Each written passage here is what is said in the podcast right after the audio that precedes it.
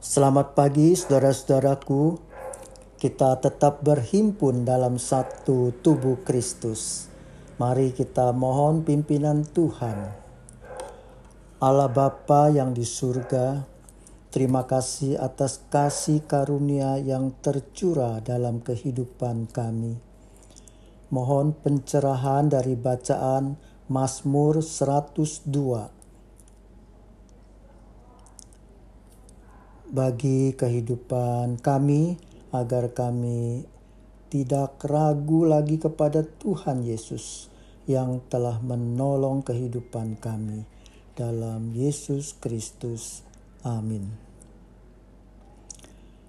Bacaan Mazmur 102 dibacakan dari ayat 1 sampai 6. Doa seorang sengsara pada waktu ia lemah lesu dan mencurahkan pengaduhannya ke hadapan Tuhan.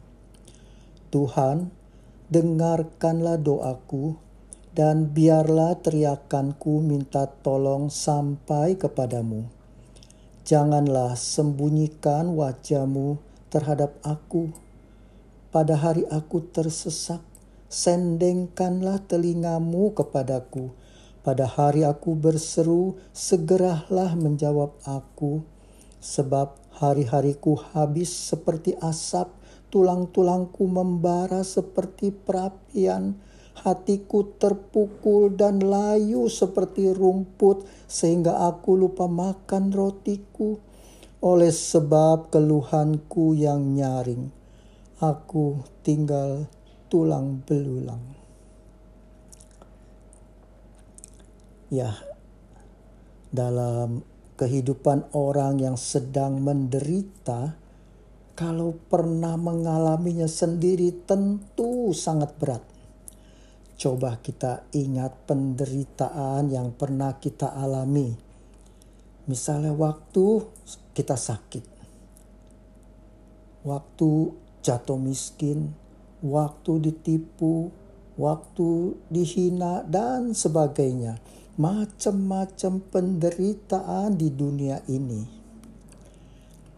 Misalnya dari keluarga kaya yang jatuh miskin. Ini bukan main sulitnya.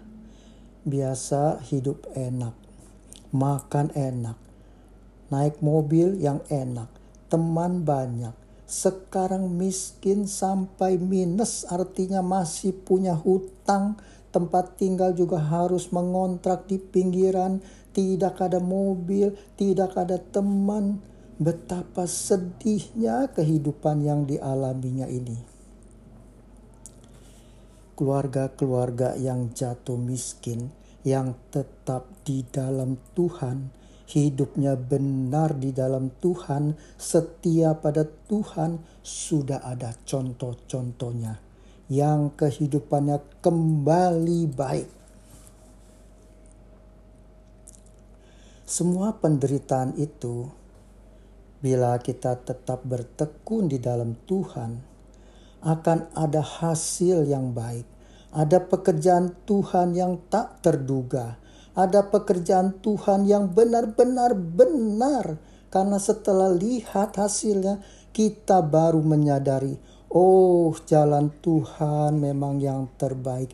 Dia benar-benar menuntun kita di dalam kesengsaraan kita. Firman Tuhan dari Ibrani 12 ayat 2. Saya bacakan.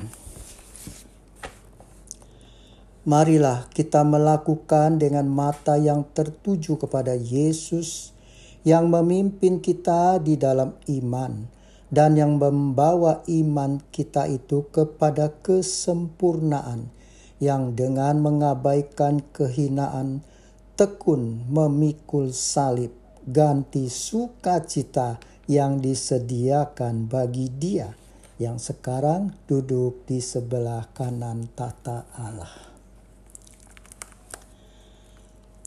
Sekian, mari kita berdoa. Bapa yang Maha Kuasa, ajarilah kami bertekun di dalam Tuhan. Kami tahu ada kemenangan di dalam Tuhan. Kami bersyukur bisa mengenal Tuhan. Dalam Yesus Kristus kami berdoa. Amin.